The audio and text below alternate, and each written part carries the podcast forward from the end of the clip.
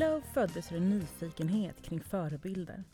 Vilka är kvinnliga förebilder i Sverige när vi går in i 2020? Vilka ser vi upp till, lyssnar till och inspireras utav? Vi har frågat och vi har fått ett svar. Dessa kvinnor har vi träffat för att ta reda på vilka de är och vad som driver dem. Vi har även intervjuat andra kvinnor som vi tycker att fler borde få upp ögonen för. Det här är en intervjupodd med mig, Maria Högberg och kvinnliga förebilder i Sverige.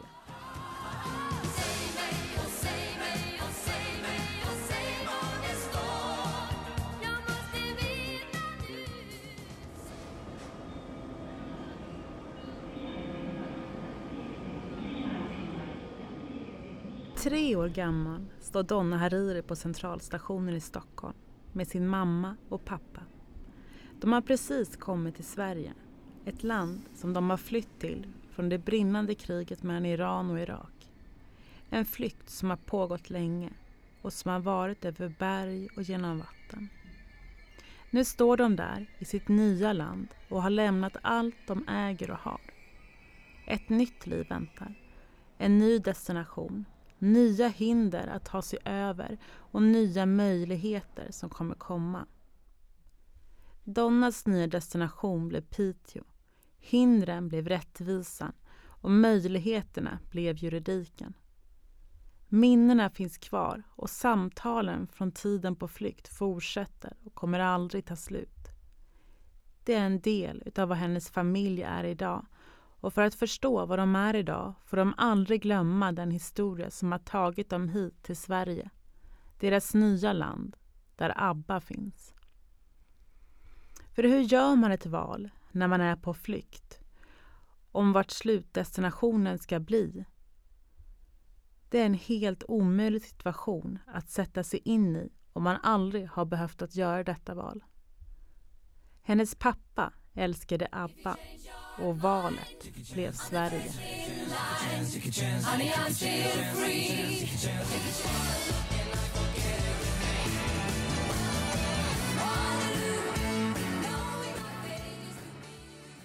I poddstudion är det lugnt, tyst och med bara en dov lampa som lyser. Vi slår oss ner i de rosa fåtöljerna och startar igång samtalet om Sverige 2015 och Donna Hariri. Donna, som bland annat grundat juridisk rådgivning i Husby, rörelsen Juristerna på Stockholms central under hösten 2015 som samlade hundratals jurister i syfte att bemanna stationen med juridisk rådgivning för alla människor på flykt som anlände samt varit programledare för det prisbelönta tv-programmet Justitia på SVT som är det första programmet i svensk tv där man förenklar juridik för en yngre målgrupp. Hösten 2019 debuterade hon med boken Fatta lagen. Hon medverkar även på TV4 Nyhetsmorgon regelbundet med hennes egna programpunkt Koll på lagen. Och nu hälsar vi henne varmt välkommen hit till oss. Tack snälla. Eh, vi har ju mycket att prata om idag. Eh, men jag tänkte börja med att kolla hur mår du idag? Vilken fin fråga att få. Eh, känns som att vi sällan ställer den till varandra faktiskt. Men jag, idag mår jag bra. Jag eh, har varit i Irak, mm. eh, Bagdad och så plötsligt så sitter jag här, var på Nyhetsmorgon mm. i morse. Mm. Jag har ett stående inslag där som heter Koll på lagen och nu sitter jag i det här trygga, lugna, fina rummet. Det är ju allt annat än det jag har sett de senaste två veckorna i alla fall. Ja, men berätta, vad var det för resor du har varit på?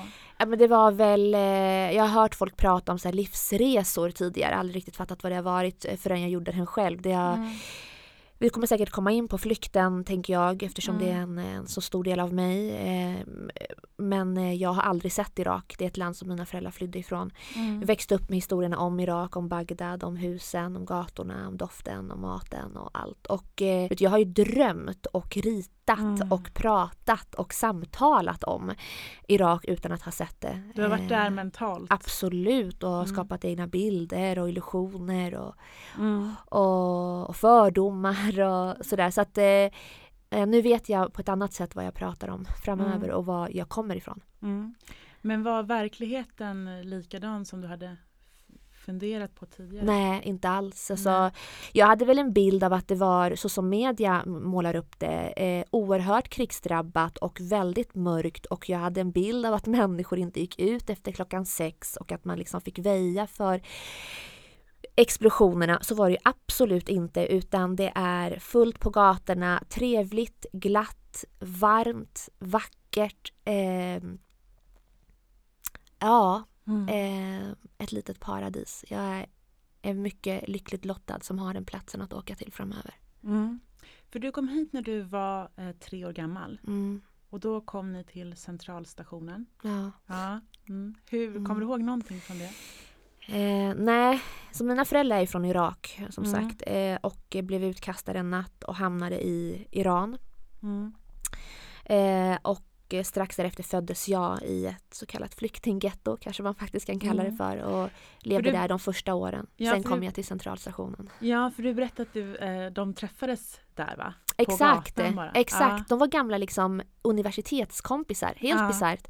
Och eh, fick fly, eller fly, blev utkastade från sina hem med någon veckas mellanrum. Mm. Eh, min mammas familj och så min pappas familj mm. efter en vecka. Och sen i detta oerhört crowded Teheran mm. mm. såg min mamma min pappa på gatan. Och ropar efter honom och eh, ja men tänka sig bara, men du vet det är, ju, det är ju så stort att man inte ens kan tänka, föreställa mm. sig en sån sak att, att se en gammal klasskompis eh, i ett nytt land plötsligt. Mm. Mm. Och de gifte sig och så föddes jag. Mm. Mm. mm. Men var det kärlek vid första ögonkastet? Eller? Nej men det här finns det delad mening. Min mamma ja. menar på att nej, absolut inte. Hon bara ropade på honom för att hon blev så glad ja. och han menar på att det var en mycket tydlig indikation på att hon var intresserad. Ja. Ingen vet eh, vad som är sant och inte men eh, ja men du vet två människor som satts på flykt plötsligt hade allt, har plötsligt absolut ingenting, Nej. möts i ett främmande land. Eh, jag tror inte så här, kärlek vid första ögonkastet var det viktigaste utan för dem var det bara att hitta någon Trygghet. som förstod. Liksom. Ja, de kände något. något som, som visste. Ja men precis, mm. kom från samma. Mm. Mm. Men när du var tre år, mm. Eh, och hur, hur, liksom, hur såg resan i Sverige ut sen när du kom hit? Då? Efter en mycket, mycket lång och väldigt dramatisk flykt till Sverige. Mm. Eh, fängelse i Syrien, eh, ingen mat. Alltså. Mm. Eh, men bara, bara väldigt brutal hur väg. Var, hur lång var flykten? Eh, den var ungefär ett år. Mm. Eh, och jag var det enda barnet liksom som man mm. hade med sig. Eh, smugglare och rivna pass och, och, allt vad det var. Så hamnade vi precis, ja, hamnade i, i Sverige. Mm. Och eh, på centralstationen i Stockholm och sen tog vi oss uppåt mot Piteå där mm. jag mer eller mindre växte upp. Jag levde, bodde där tills jag var 9-10 år gammal. Mm, mm. Vad har du för första minnen då? Ja, mina i vart fall starkaste minnen, kanske också faktiskt de första är nog från, är från Piteå. Eh, trygghet, jag minns att det var väldigt ro, jag hade väldigt roligt. Jag minns att jag hade en eh, jag minns min spark. Jag hade mm. en spark. Mm. Så stereotypt i Norrbotten. Men, eh, men jag hade en spark som jag åkte runt med genom här, Piteås gator. Hemåt till skolan och sådär. Jag har starka minnen från förskolan. Att alla var så snälla. Att det var lugnt. Att det var rent. Eh, mina absolut bästa år i livet fortfarande mm. var mina första år i Piteå. Mm. mm. Mm. Vad tyckte dina föräldrar om Piteå då? Ja, de till skillnad då från mig kanske och min bror så tyckte de nog att det här var Nej men de tyckte såklart att det inte var så här det skulle bli. Liksom. Mm. Flykten, du vet när, ofta när man pratar om flykten så tänker man att det finns en slutdestination. Det är aldrig så. Alltså blir du tving, fråntvingad ditt hem och din plats och din trygghet, du kommer aldrig komma hem igen. Mm. Och det har liksom präglat mina föräldrar, hur mycket de än har försökt skapa ett hem, om det var Piteå eller sen när vi fortsatte ner mot Småland så har, har liksom den här, den här ständiga den här sökandet och jakten efter att bara få komma hem eh, funnits och det är så när man mm. har flytt. Liksom. Mm. Så de tyckte väl att det här var super eh. Liksom. Mm. Och det var inte så här det skulle bli. Dessutom att hamna i Piteå av alla ställen. Snällt och fint och omtänksamma människor men iskallt och mörkt och, och långt från civilisationen. Liksom. Mm. Från, ett, eh, från att ha människor runt sig till att vara själv. Mm. Såklart oerhört svårt. Mm. Men jag eh, skapade mig en tillvaro ganska snabbt och började prata pitemål. Mm. hade en väldigt grov, grov pitemål och, och, hade vänner och var nog den enda som såg ut som jag gjorde men det var ingenting alls som någon, in, liksom, ingenting som kom på tal överhuvudtaget utan alla var välkomna. Det var en mm. annan tid på den mm. tiden. Mm. Mm. Men hur klarade du, liksom, du skapade ett eget liksom, liv och, eh, och, och, växte upp där. Men dina föräldrar då? Hur klarade de av liksom, att komma liksom, den tillvaron?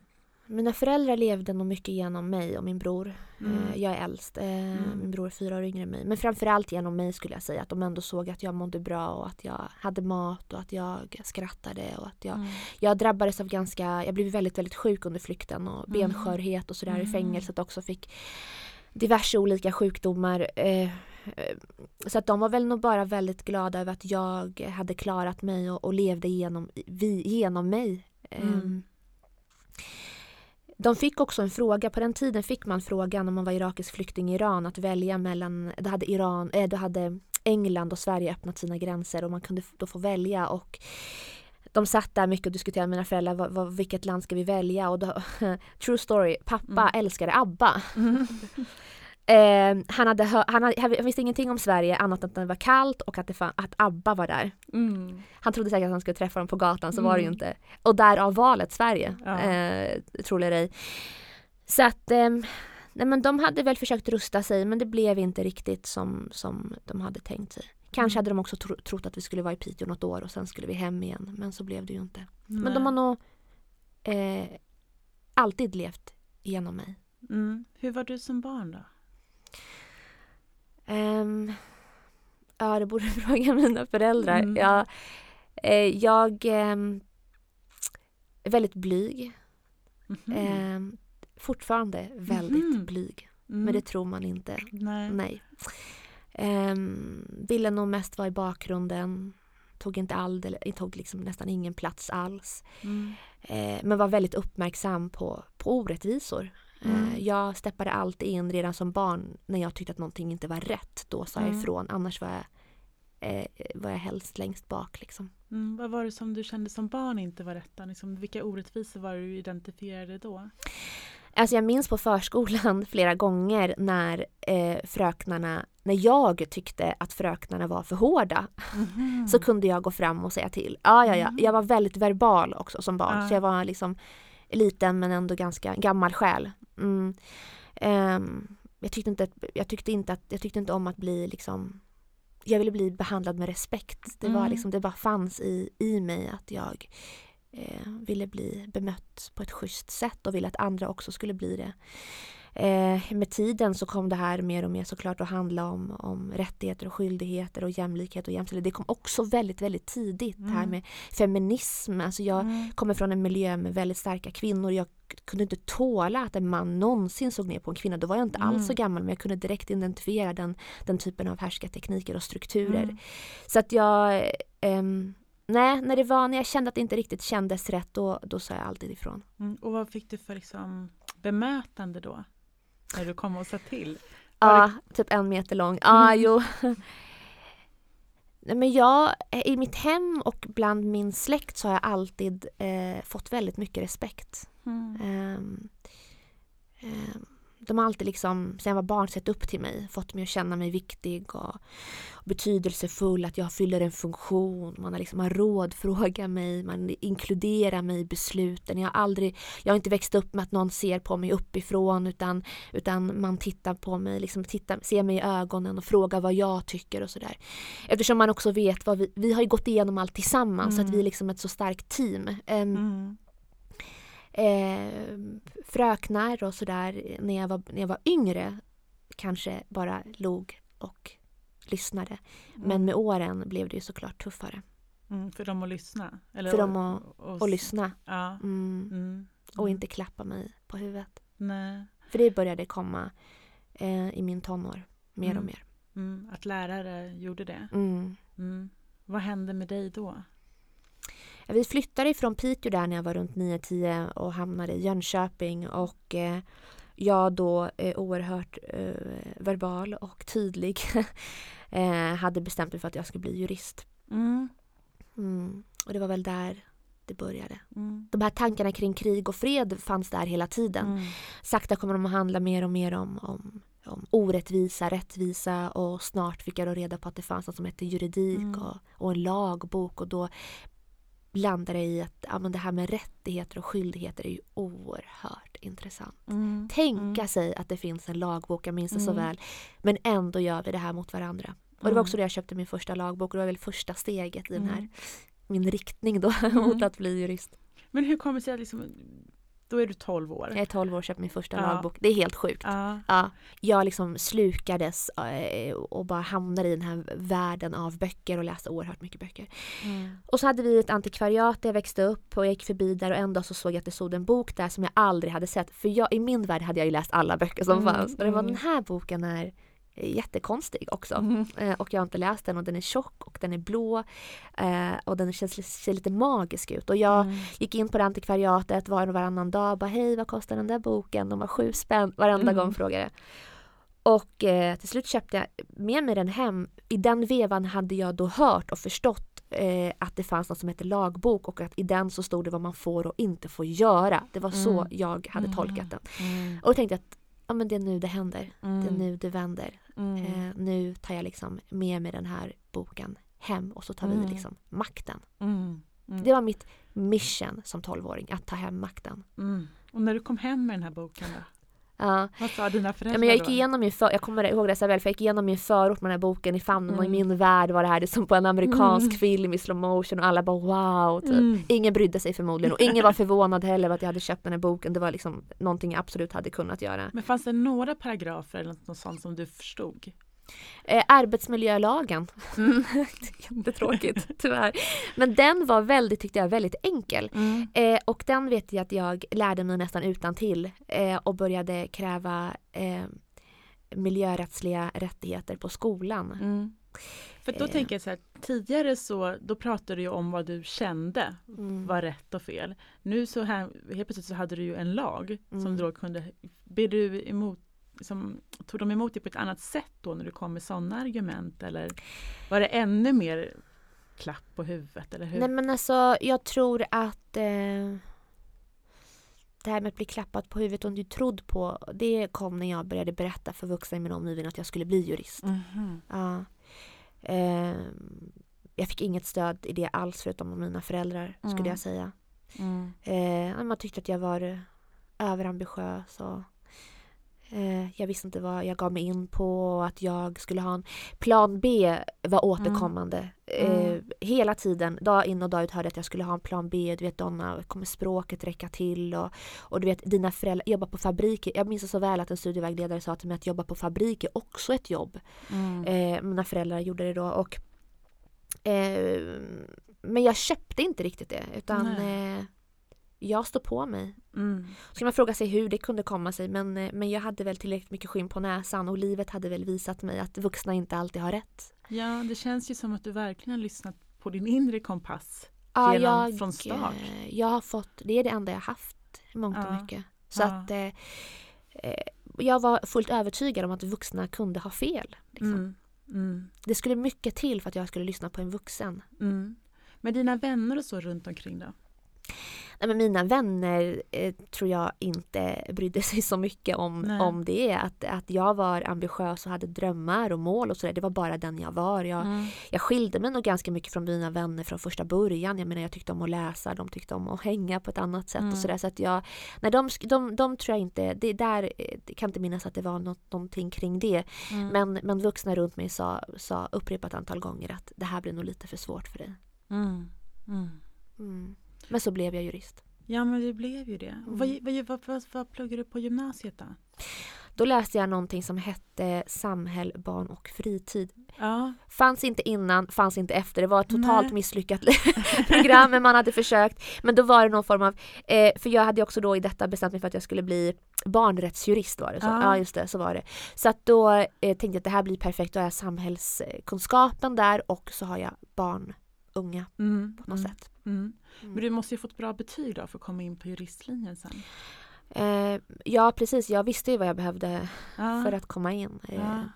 Så jag gjorde mitt så gott jag kunde. Ja. kom in. Och, och det trodde inte att jag skulle göra. Jag, dels så trodde inte jag att mina betyg skulle räcka faktiskt. Eh, och dels så var det liksom eh, för stort för att tro på på något sätt. Men Mm. eh, så kom brevet om att jag blivit antagen och så Mm. flyttade jag till Örebro där jag började plugga Mm. en månad efter min student. Mm. Men hur kändes det när brevet kom då? Vet När du, du fick det beskedet? det... jag har faktiskt inte tänkt tillbaka på det förrän nu när du ställer frågan. Men det var... Eh, ja, jag har nog aldrig känt så mycket inom mig som jag kände då. Mm. Det var en... Ja, en känslostorm. Mm. alltså, eh, jag hade precis tagit körkort. Jag minns att jag öppnade brevet, satt, sprang in, eh, såg att jag hade kommit in, hoppade in i bilen, gasade till mina föräldrar, till deras jobb, de jobbar på fabrik och eh, visade upp det och grät och gick hem och började packa. Typ. Mm. Mm. Eh, gick väldigt snabbt och sen efter en månad så, så var jag där. Ja, för det var ju verkligen beviset på Att det går. ja, att det går. Att det går. Absolut. Mm. Men blir dina föräldrar chockade då? Eller var de bara så här, ja? Nej, de blev nu precis som jag Ja. också. också jag tror att det också liksom eh, glittrade till i deras bröst och att de kände att det här är enormt. Jo men såklart att det, det var stort för oss alla. Mm. Mm. Eh, ja men du vet att att ha gjort den här eh, resan som jag och mina föräldrar har gjort, eh, tagit oss fram, försökt tillsammans, alltså som ett team, så är all glädje liksom Mm. delad och all Mm. sorg är delad. Och, eh, vi är liksom en, en, en grupp liksom, Mm. som har tagit oss framåt. Mm. Så att såklart att de kände samma sak som jag. Verkligen. Mm. Mm. Och de måste ju också känt att det blev rätt val då. I det här liksom famlandet genom flykten och komma hit, känna sig rotlös, hitta sammanhanget. Mm. Och sen får de en dotter med en stark dröm, drivkraft. Och Mm. helt plötsligt så är pappret på att det har, händer nu. Ja, verkligen. Det är ju otroligt, verkligen. otroligt fint.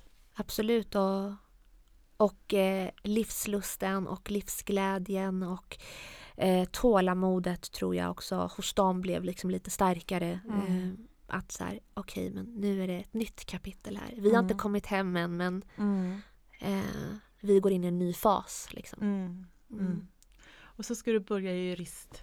Utbildningen. Ja. Ja, Hur känner du då, då innan, liksom, innan den startade? Svackar i självförtroendet någonting på vägen eller var det liksom Nej, självförtroendet svackade inte alls. eh, Nej. Nej, inte överhuvudtaget. Eh, Jag var, kände mig eh, oerhört rustad. Jag Mm. hade fattat att att det kommer bli... boken? Ja, men lagboken, hallå. så- ja. Jag känner såhär, jag är den enda tolvåringen kanske i Sverige någon som har läst Mm. lagboken. Nej men jag känner att jag hade ganska bra koll faktiskt. Men, Ja. men och så kom jag också såklart dit med mina förutfattade meningar om, om, om vem juristen är och hur juridiken ser ut och hur juriststudenten ska bete sig. Jag, menar, jag Mm. kommer ihåg att jag köpte en kostym. Alltså, jag kommer från förorten eh, Mm. och eh, växte upp på extensbotten minimum och vi liksom hänger i centrum och jag och Mm. mina polare och jag liksom Mm. eh, eh, ah, Men du köpte en kostym? Ja, och det var så, jag kommer ihåg, jag tror att jag skulle kvävas i den där dressen som jag hade köpt och skjorta och du vet klackar och och tänkte att det är så jurister gör och det är så jurister ser ut och kommer dit och jag kommer ihåg att vi satt oss i det här äh, varma, den här varma ah, sunkiga hörsalen, jag och 300 juriststudenter som alla hade tänkt som jag förmodligen. Mm. Ja, Alla satt med kostym? alla satt med alldeles för, ja väldigt så eh, trångt och eländigt och eh, så kom vår professor in och jag tror inte det tog, jag tror inte det tog mer än två minuter innan han berättade för oss att så här, välkomna nu tar ni på er juristglasögonen. Och då förstod jag också där och då att eh, nej, jag kom inte hit och hela vägen ända fram till den här liksom, punkten i mitt liv för att någon ska berätta för mig hur jag ska göra. Utan då förstod jag väl att jag kommer få göra det här på mitt sätt. Mm. Vad var det han menade med det? I min värld, för mig så menade han på att, eh, jag tolkar det som att han menar på att nu blir ni liksom paragrafryttare. Mm. Eh, nu, gör ni, nu ska ni alla göra på ett visst sätt. Mm. Och, och faktum är att det också blev så att, att juristutbildningen är oerhört, eh, eh, tycker jag, trångsynt. Jag har kritiserat den många gånger tidigare under många, mm. många år. Jag tycker att man indoktrineras mycket snabbt i ett okritiskt tänk. Det finns inga samtal om genus och normer och du vet, eh, eh, eh samhällsengagemang. Mer och mer nu, då fanns det inte överhuvudtaget. Mm. Och jag kom ju dit för att jag skulle ta hem makten. Mm. Förstår du? Jag kom mm. inte dit för att någon skulle berätta för mig hur de tyckte att jag skulle göra. Jag hade tydligt mission. Mm. Jag kommer från en marginaliserad grupp. Vi har inte koll på våra rättigheter och skyldigheter. Det är dags att det vänder. Det var liksom mitt tydliga mål. Så äh, men där blev det väldigt tydligt för mig faktiskt den första dagen att äh, ja, jag får göra det här på mitt sätt. Mm. mm. Och hur förhöll du dig till, till utbildningen sen? Alltså, hur... Men jag eh, gjorde som alla andra, gjorde det jag skulle. Eh, mm. Pluggade väldigt, väldigt mycket. Juridik är, visade sig mm. vara också, precis som jag trodde, mm. väldigt tufft. Tog av mig kostymen dock och bara var mig själv. Mm. Eh, ehm, eh, och trots att jag då kom med den här tydliga planen om att jag bara skulle ta hem kunskapen och ge den till mina.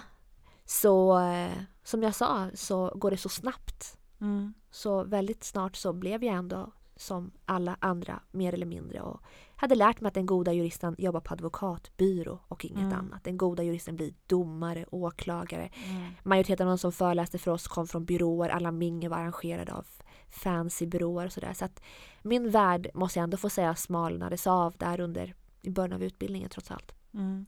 Men fanns det någon som du liksom delade samma liksom grund med?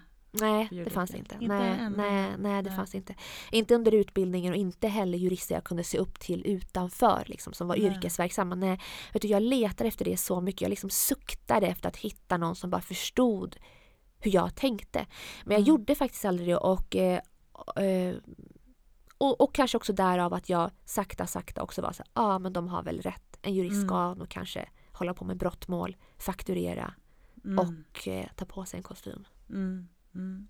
För du hamnade på en advokatbyrå. Ja, jag gjorde det. Ja. Mm, jag gjorde det. Eh, I den här vevan, eh, där i början av utbildningen så fick jag frågan om att göra tv. Jätte, mm. eh, det bara hände av en Jaha, slump. Under utbildningen? Under utbildningen redan. Ja, det är på SVT? För... Ja, precis. Okay. Och jag fick av en slump frågan om jag ville göra tv och eh, eh det här, det, Juridik hade aldrig förklarat, alltså det hade aldrig hänt i svensk tv-historia att man förklarade förenklad juridik för en ung målgrupp. Det här var mm. Justitia, det var ett, ett juridikprogram för unga. Mm. Det hade aldrig skett tidigare och de frågade om jag ville vara med och göra det. Men hur fick du den frågan? Ja men det var någon som frågade någon som kände någon och så fanns jag där. Lång historia. Ja. Men den kom till mig ja. Ja. och jag tackade ja. Eh, och började göra Justitia. Och eh, det var i samma veva som jag då hade landat i så okej okay, de har rätt en bra jurist ska vara på byrå. Mm. Så kom det här väldigt ja. tydligt folkbildande ändå sätt att använda sig av juridiken. Eh, men, men vi gjorde Justitia, blev väldigt framgångsrikt, mycket uppskattat. Eh, jag fortsatte mina juridikstudier, tog examen och hamnade ändå på en advokatbyrå. Men jag hade ju ändå liksom tvn med mm. mig. Jag hade förstått vilken effekt den kunde ha. Mm. Jag hade mm. förstått att ja, det, det, funkar att jobba med juridik på andra sätt också. Men jag ska göra som jag blev, blir lärd liksom här och, mm. och börja jobba med brottmål. Mm. Och hur var den världen då? Det var inte min värld. Nej. Uppenbarligen absolut inte min värld. Det var eh, jag kom, kom, till en byrå som också levde upp till den här klassiska stereotypa bilden verkligen av, en, mm. av hur en advokatbyrå är, mansdominerad, mycket Eh, eh, det yttre var oerhört, vi hade en chef som tittade på våra naglar och så hur vi såg ut. Var liksom, mm. Det var mm. oerhört viktigt vad man hade på sig. Det var långa nätter, eh, mycket pengar, eh, mycket brottmål, mycket grov, grova, grova mål. Men det kändes inte alls bra. Eh, jag ska säga att inte att de tittade på hur jag såg ut som var det jobbiga utan att faktiskt människor behövde ta lån för att ha råd med mig. Mm. Eh, gjorde så ont. Det var mm. liksom så fel att jag skulle vara så dyr. Mm. Eh, jag såg också ganska snabbt att de som kom till mig var ändå någorlunda privilegierade. Jag menar mm. förvisso att de har eh, problem och behöver juridisk rådgivning och juridiskt stöd men, men å andra sidan var de, de visste att jag fanns, de hittade mm. till Drottninggatan, de visste om att de hade rättigheter och mm. skyldigheter. Eh, de hade råd, hade de inte råd kunde de få genom ett lån. Det var inte mina. Nej. Förstår du? Det var inte Nej. det jag kom ifrån. Nej, det var inte det du ville. Det var inte det jag ville. Det här Nej. var inte, det skulle inte bli så här. Och, och samtidigt som alla runt mig, jurister som jag kände var så här, men det här är ju drömjobbet. Åh, vad grym du är. Och så där. Nej, Men det var, det naggade i mig. Det gnagde. Det var liksom fel varenda dag. Och jag började, jag började sadlade om, försökte någorlunda sadla om från brottmål till en annan typ av brottmål som handlar om att mer företräda barn. Mm. Så jag blev särskilt företrädare för barn. Så mina klienter blev plötsligt fem, sex år gamla och tänkte att det kanske hjälper. Det gjorde det inte alls utan det var fortfarande svårt. Och sa upp mig till slut. Telefonen ringer och Donna svarar. Det är hennes vän som behöver hjälp. Hon är på centralstationen och det är höst.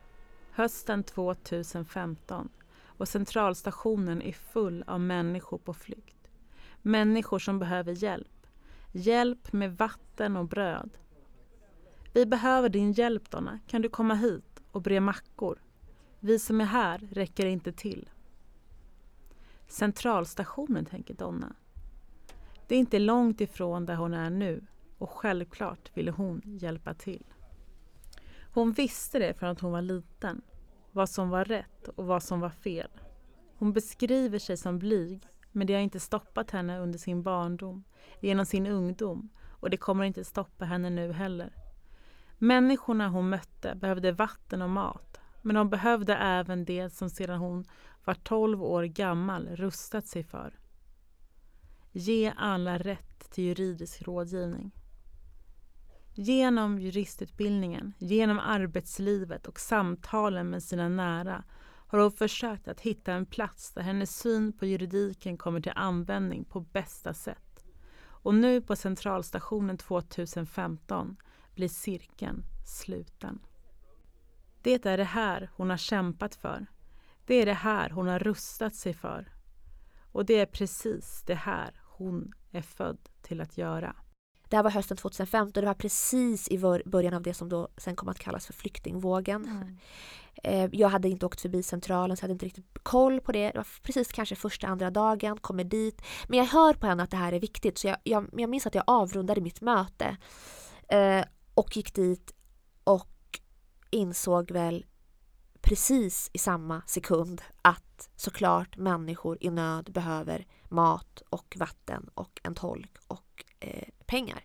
Mm. Men det de här behöver är ju juridisk rådgivning. Mm. Alltså de här människorna behöver ha koll på sina rättigheter. Mm.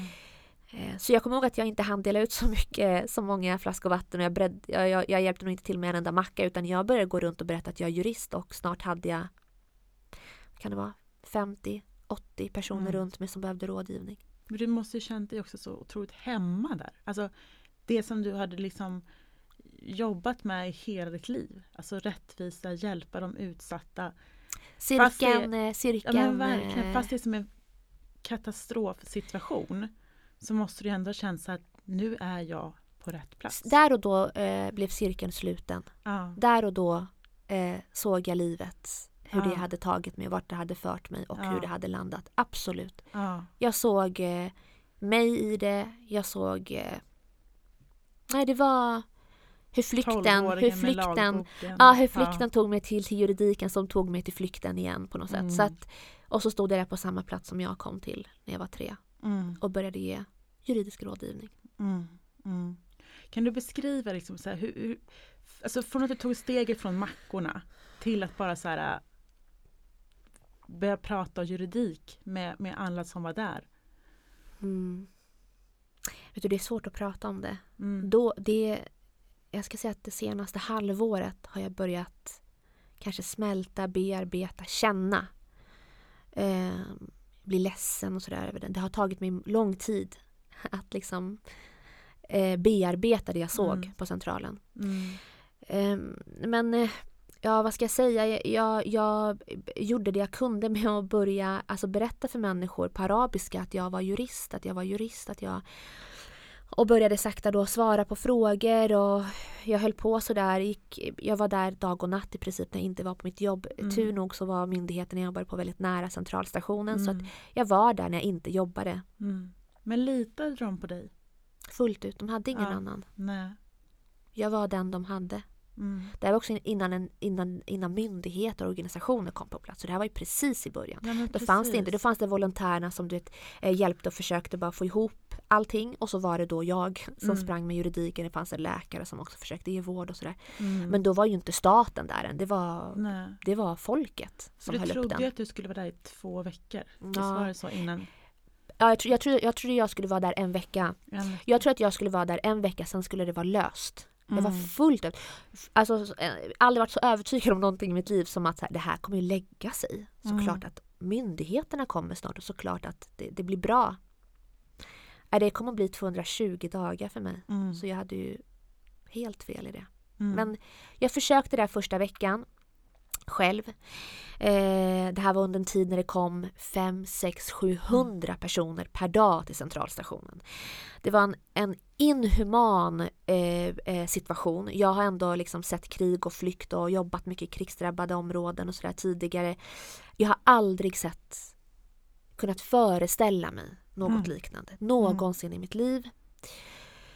Så jag försökte så gott jag kunde men eh, till slut efter en vecka så förstod jag väl att det här kommer inte lägga sig. Utan det här är bara början.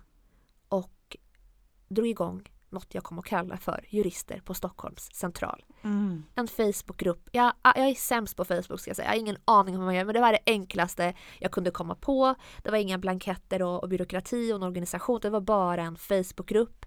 Och eh, jag kom ihåg att jag gjorde det här på morgonen vid lunch det... så var, stod sju jurister där på plats. Ja, men tänk när vi skapade den här Facebookgruppen, var det liksom i desperation eller var det liksom? U total utmattning. Ja.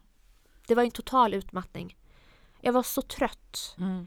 Jag visste varken in eller ut. Jag visste inte hur jag skulle få ihop någonting. Jag var mm. så utmattad. Jag hade i sju dagar eh, stått på centralen, jobbat, stått på centralen, sovit på centralen. Jag hade då också fått nyckeln till min första bostadsrätt. Mm. Som jag inte hade gått in i än. Jag, jag var bara på centralen. Liksom. Så att jag var Jag kommer ihåg att jag hade kommit till min lägenhet tom. Jag bara, ha så här, bra, typ. Jag kom in. Mm. hade liksom inte varit där. Och tog en dusch. Och skapade den här gruppen. Och var så här, nu måste, jag, det, jag kan inte själv längre. Det var mm. det det handlade om. Jag var slut. Mm. Och när du kom dit sen då? Stod det sju jurister där. Hur kändes det? Ja. Ja. Jag blir berörd när jag tänker på det. Du märker ju. Äh, men enormt. Mm. Enormt. Min eh, livs största bedrift. Mm. Faktiskt. Mm.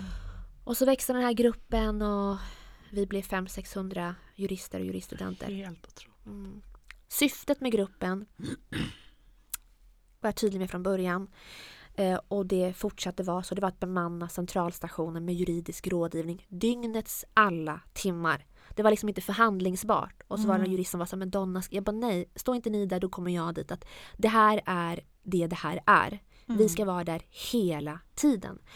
Och jag kommer ihåg att jag sprang in i en butik och köpte västar och skrev så här med markeringspenna, jurist på ryggen mm. och det, bara försökte få ihop det så att vi skulle bli ännu tydligare. Och, eh, och så var vi där dygnets alla timmar. För mm. mig blev det då som sagt en höst som gick över till en vår. Mm. Mm. Otroligt många.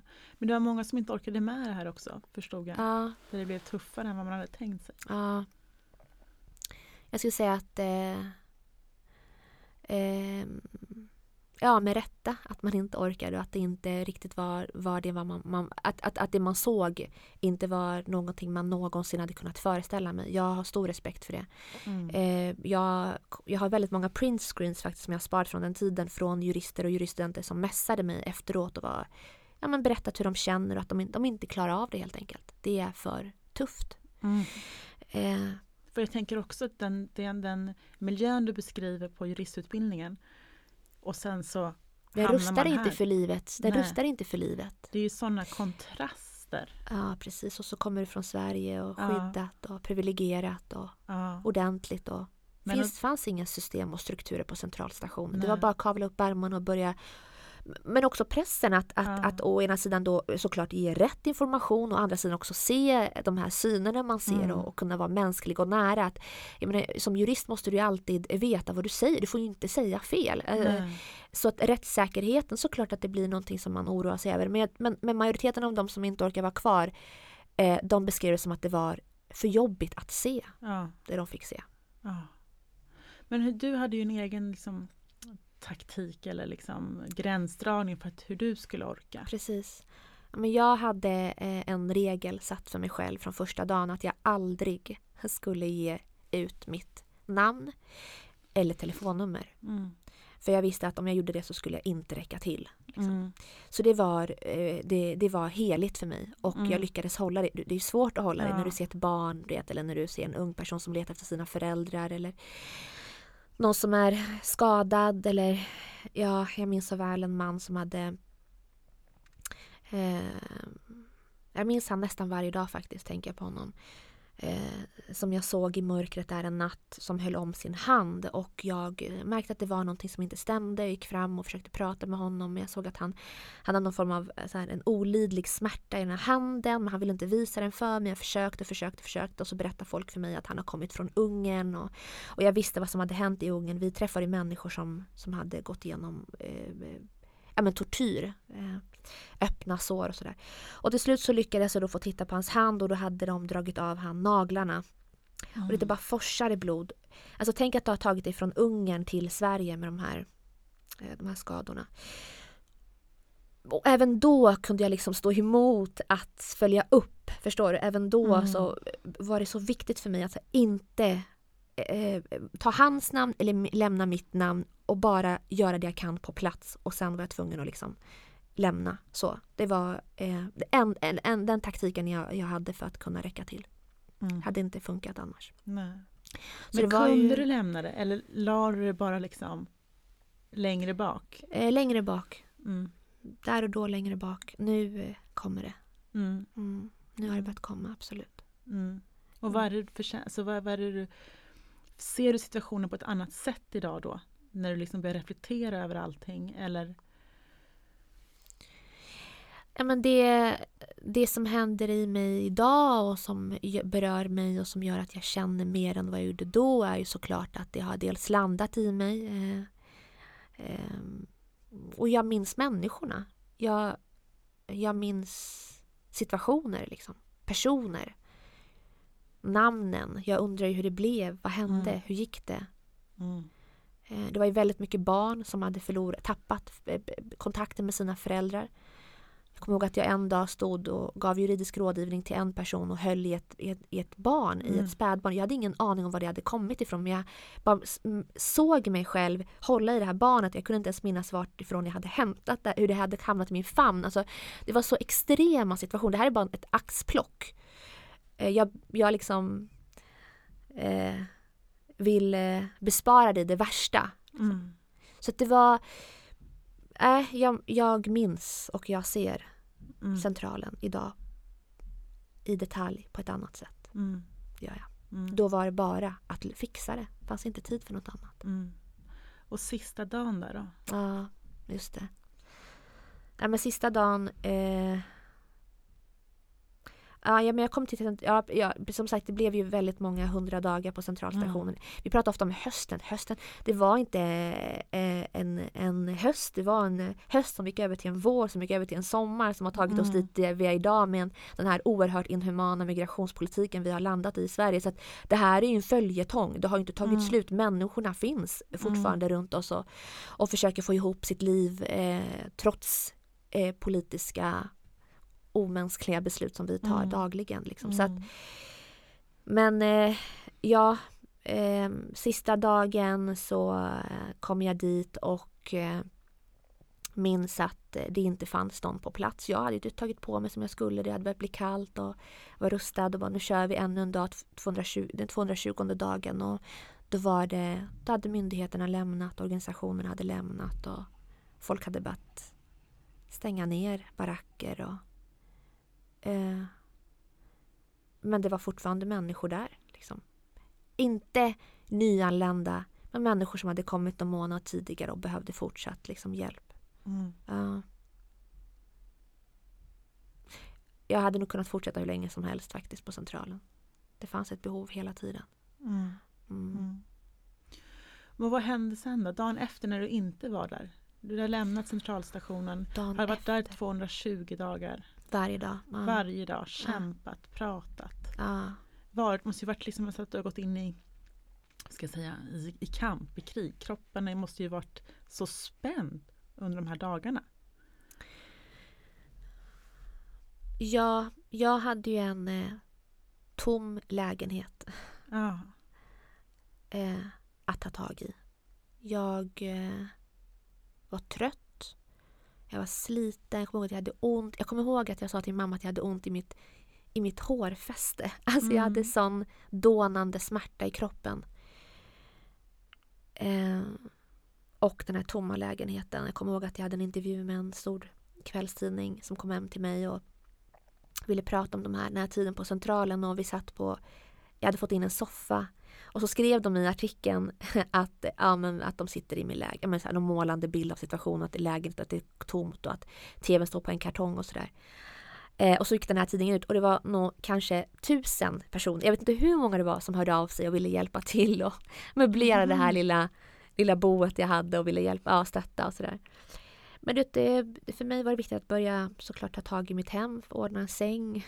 Mm. Ja, du vet bara veta vart jag är och vart jag har, vart jag har kommit någonstans. Och mm. Skapa ett hem. Och, mm. Så att jag skulle inte säga att tiden på Centralen så fick, så mycket plats efter det utan när det tog slut där så var jag tvungen att få ihop mitt liv. Mm. Du kunde stänga där? Eller det var ja, nödvändigt att stänga? Kanske? Jag behövde stänga där. Ja, mm, det ja. var, det var, det behövde, jag behövde gå vidare. Men som sagt, på senare år så har jag mer utrymme för att tänka på den tiden. Och, och kanske var det faktiskt också så att tiden innan centralen var någonting annat. Tiden efter centralen är jag nu. Mm. Det är liksom en del av mitt liv. Allt förändrades efter de där 220 mm. dagarna. Mitt sätt att se på världen, erfarenheterna, livet, vänner. Alltså, det blev någonting annat. Det blev mm. något helt annat. Mitt engagemang. Ja, men också ett kvitto på, som jag sa förut, att det du trodde på med juridiken var också det som var sanningen, som blev, som blev din verklighet. Ja, min tes stämde. Ja, Absolut. Att min, min syn på att juristen eh, ska vara en samhällsaktör, en aktivist, en som ifrågasätter, ja. som tar plats. Som min syn på att juridiken är ett demokratiskt verktyg till för alla. Eh, ja, det var vi så på riktigt mm. också. Mm. Mm. Så hur tog du avstamp sen då? Hur såg liksom efter? Oh, Gud, vad var det? Ja, sen så blev såklart migration väldigt viktigt för mig. Mm. Eh, så jag började jobba i en stor barnrättsorganisation som migrationssakkunnig och blev en av de första och mest kritiska rösterna i den debatten. Jag var en av de jurister som tog avstånd från migrationslagen som trädde i kraft sen på sommaren. Mm. Vägrade använda mig av den som jurist. Mm. Ja. Mm.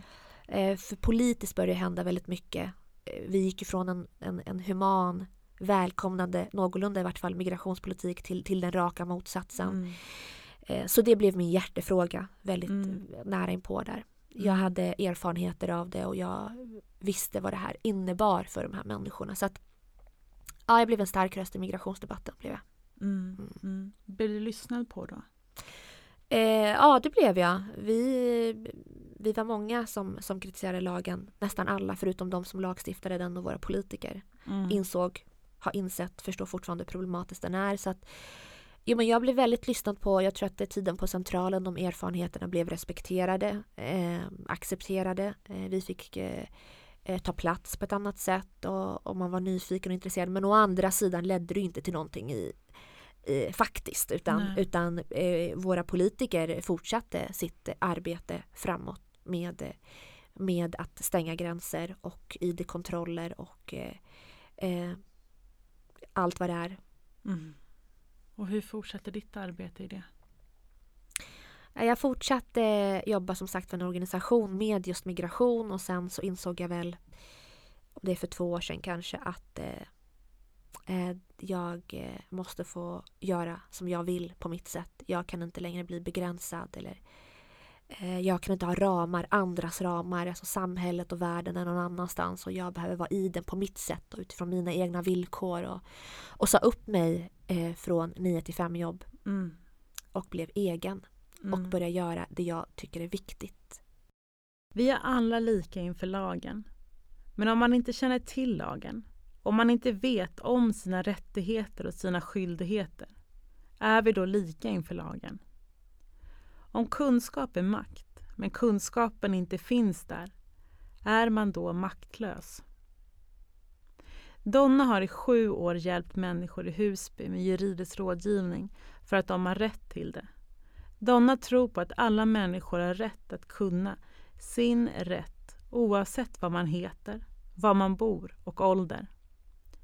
Juristen ska vara en samhällsförändrande aktör och juridiken ett demokratiskt verktyg som ska vara lika tillgängligt för alla. Det handlar om jämlikhet, jämställdhet och alla människors lika betydelse. Därför har hon under många år arbetat med folkbildning som ett sätt att överbrygga glappet mellan rättssystemet och medborgare. Människor behöver ha koll på sina rättigheter och skyldigheter. Framförallt människor som är marginaliserade. Vi är oerhört bra i Sverige på att berätta för människor eh, som är marginaliserade, som lever i nöd, vilka skyldigheter de har. Jag får ofta kritik för det här, eh, men det, det är vad det är. Vi är bra för att berätta för dem att det här måste du göra, det här måste du tänka på, det här är ditt ansvar. Nästan aldrig vilka rättigheter de har. Och där ser jag att, att det är min, min skyldighet som jurist att berätta dels att det, att det finns rättigheter men också vilka de är och, och stärka människor i att faktiskt hävda sin rätt. Mm. Alla har rätt till sina rättigheter men tyvärr är juridiken en samhällsklassfråga i Sverige. Mm. Beroende på vad du heter och var du bor och vilka förutsättningar du har eller inte har i livet så har du mer eller mindre eh, koll på dina rättigheter. Så kan vi inte ha det Nej. i en demokrati. Alla har samma lag men alla har inte Alltid. koll på den. Absolut. Mm. Och vi är inte lika inför lagen. Mm. Det får ju inte jurister egentligen säga men vi är inte lika inför lagen. Det finns mycket som visar på att vi inte är det. Det, Mm. finns, det, det görs skillnad mellan människor och människor och där ser jag det som mitt ansvar som jurist att förmedla juridiken. Och jag försöker hitta kreativa nya Mm. sätt att göra det på. Centralen var ett, Justitia innan det var ett annat Mm. och min juridiska rådgivning som jag håller kärt. Mm. är den tredje. Mm. Biblioteket där. Precis. Hur länge har du varit där? Sju år, Sju år. varannan måndag. Mm. Galet. Mm. Jag började ge juridisk rådgivning i Husby 2013 redan. Mm. Precis när jag sa upp mig från advokatbyrån. Mm. Eh, och tänkte att det skulle vara en pure juridisk rådgivning. Jag kommer dit och folk har juridiska frågor. Men det blev ju snabbt en mötesplats och det är fortfarande sju år senare kö. Mm. Eh, människor behöver, behöver prata. Ibland Mm. handlar det om juridik. Ibland handlar det om livet. Polisvåld, utförsäljning av bostäder.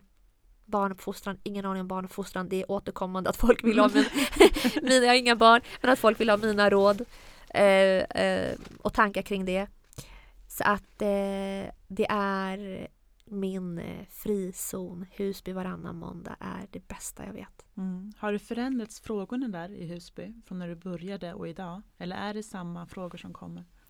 Det är såklart i perioder förändras de. Alltså, eh, under eh, hösten 2015 så var det såklart väldigt mycket migration. Men jag skulle säga att ja, under deklarationstiderna så är det mycket kring deklarationen. Människor som inte vet om att de ska deklarera. Som missar att deklarera och hamnar liksom i förvaltningsrätt och i domstol och sådär.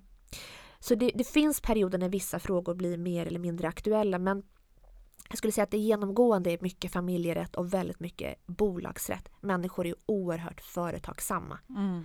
Eh, så att det är det återkommande temat. Eh, familjerätt, mycket ensamstående mammor och mycket hur driver jag bolag vad gäller. Mm. Mm. Och du har också skrivit en bok, Just Fatta det. lagen. Ja, Mm. Hur kom den till? tänka sig att det blev en bok. Mm. Ja. Den med fatta lagen har funnits där hela tiden. Jag har fått frågan om att, eh, eller eh, människor har ofta eh, tyckt att jag ska skriva en bok där jag sammanfattar allt det här jag hela tiden pratar om. Om jag så ute i föreläsning, om jag är i Husby, när jag var på Centralen eller Justitia. Alltså det, bara samlar alla de här, den här vardagsjuridiken och förenklar den i ett, i ett bokformat. Och eh, fattalagen eh, kom helt rätt i tid. Det var inte alls eh, konstigt. Det var, Den Mm. är så självklar. Mm. En, en enkel, tydlig lagbok. Det kan nog inte bli enklare skulle jag säga. Mm. Eh, inga paragrafer, talspråk, ganska mycket tugg som vi säger i orten Mm. och eh, Ja, lite rolig har jag hört också. Men det är Mm. fortfarande juridik och jag har delat upp den i olika rättsområden. Områden som man kan relatera till. Så att det är inte, jag har gjort många besvikna, många som tror att jag skulle skriva om gåvobrev och Mhm. företagstransaktioner och allt vad Mm. Nej, utan jag har skrivit om misshandel och sexualbrott och förtal och sånt vi stöter på i vår vardag på olika sätt. Mm. Så att eh, fatta lagen är väl Jag skulle säga att fatta lagen är när den kom i höstas så kände jag väl för första gången att eh, det här det är ett kvitto på att det jag gör även om det har känts väldigt ensamt eh, är viktigt. Liksom. Mm. Och att det är accepterat och respekterat. Det känns lite så när det blir en bok av det faktiskt. Mm. Mm. Och vilka ska läsa den här boken? alla som eh, vill ha lite mer koll skulle jag säga. Eller Mm. som tycker att juridik verkar vara spännande. Mm. Eh, man kan dels eh, slå upp i den, man kan läsa den från perm till perm. Det finns en röd tråd genom den och sådär så att det, man kan läsa den så som man vill. Språket är ju väldigt, väldigt enkelt så att jag skulle nog säga utifrån språk att det nog är en ungdomsbok. Men Mm. å andra sidan är det ju lika många vuxna som har läst den som unga, om inte Mm. fler. Så att det är Ja, alla som känner att de vill ha lite mer koll. Det finns de som köper den och har den hemma bara Mm. ifall att Mm. det skulle uppstå någonting så Mm. kan man slå upp i den. Sen ska jag också säga att det har kommit ett, eh, en, eh, en lärarhandledning till fattalagen Mhm. som är så bra. Jag ska inte ta Mm. cred för den, det är någon Nej. annan som har gjort den men den är så bra, den går att ladda ner gratis. Så vill man använda fattalagen i undervisning eller i samtal hemma liksom med sina Mm. barn så finns det frågor och diskussionsuppgifter Mm. och, och sådär till boken. Mm. Finns den på fler språk också? Nej, det är Nej. på svenska. Mm. Jag har fått frågan om att eh, eller förfrågningar om att säga, men du borde skriva den på. Men än så länge svensk lag, Mm. svenskt språk Mm. liksom. Mm. Men når den ut då till alla som, som inte har juridiken hos sig? Det viktigaste för mig när jag fick frågan från mitt förlag, från Norstedts, om att skriva fattalagen eh, eh, var att de eh, skulle se till, kom ihåg det här, jag var väldigt tydlig med att jag gör det men jag vill att ni då ser till att den här kommer ut till de som inte, du vet, som inte går till biblioteket. Mm. Som inte har föräldrar som har råd att köpa en bok. Liksom, som inte Mm. känner till akademibokhandel eller andra näthandel eller whatever. Utan, utan det här ska vara tillgänglig för alla, nära, eh, enkel. Eh, så jag vet, och jag vet att, att eh, förlaget då tog det här på största allvar och försökte jobba och sträva mot att det skulle bli så. Jag menar, som alla majoriteten av alla förlag i vart fall så är det ju kommersiellt och man är van att man har sina konsumenter. Det är den som läsaren är konsumenten. Mm. Här var det lite annorlunda. Här skulle vi nå ut till alla, även de som annars inte läser. Hur gör man för att få dem att läsa Fatta lagen? Mm.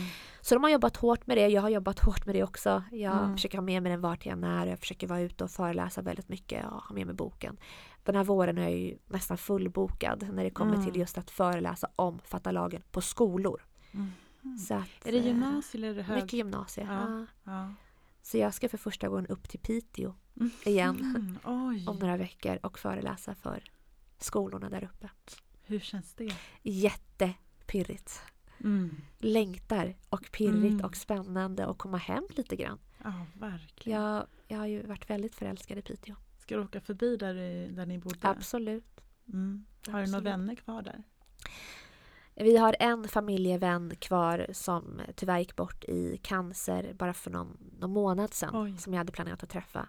Mm. Så att vi har ingen kvar men Piteå är kvar och gatorna tänker jag. Så att det ska bli, en, det ska bli fantastiskt att få komma hem. Det ska bli, det är en, och prata juridik också. Eh, det Mm. känns fint.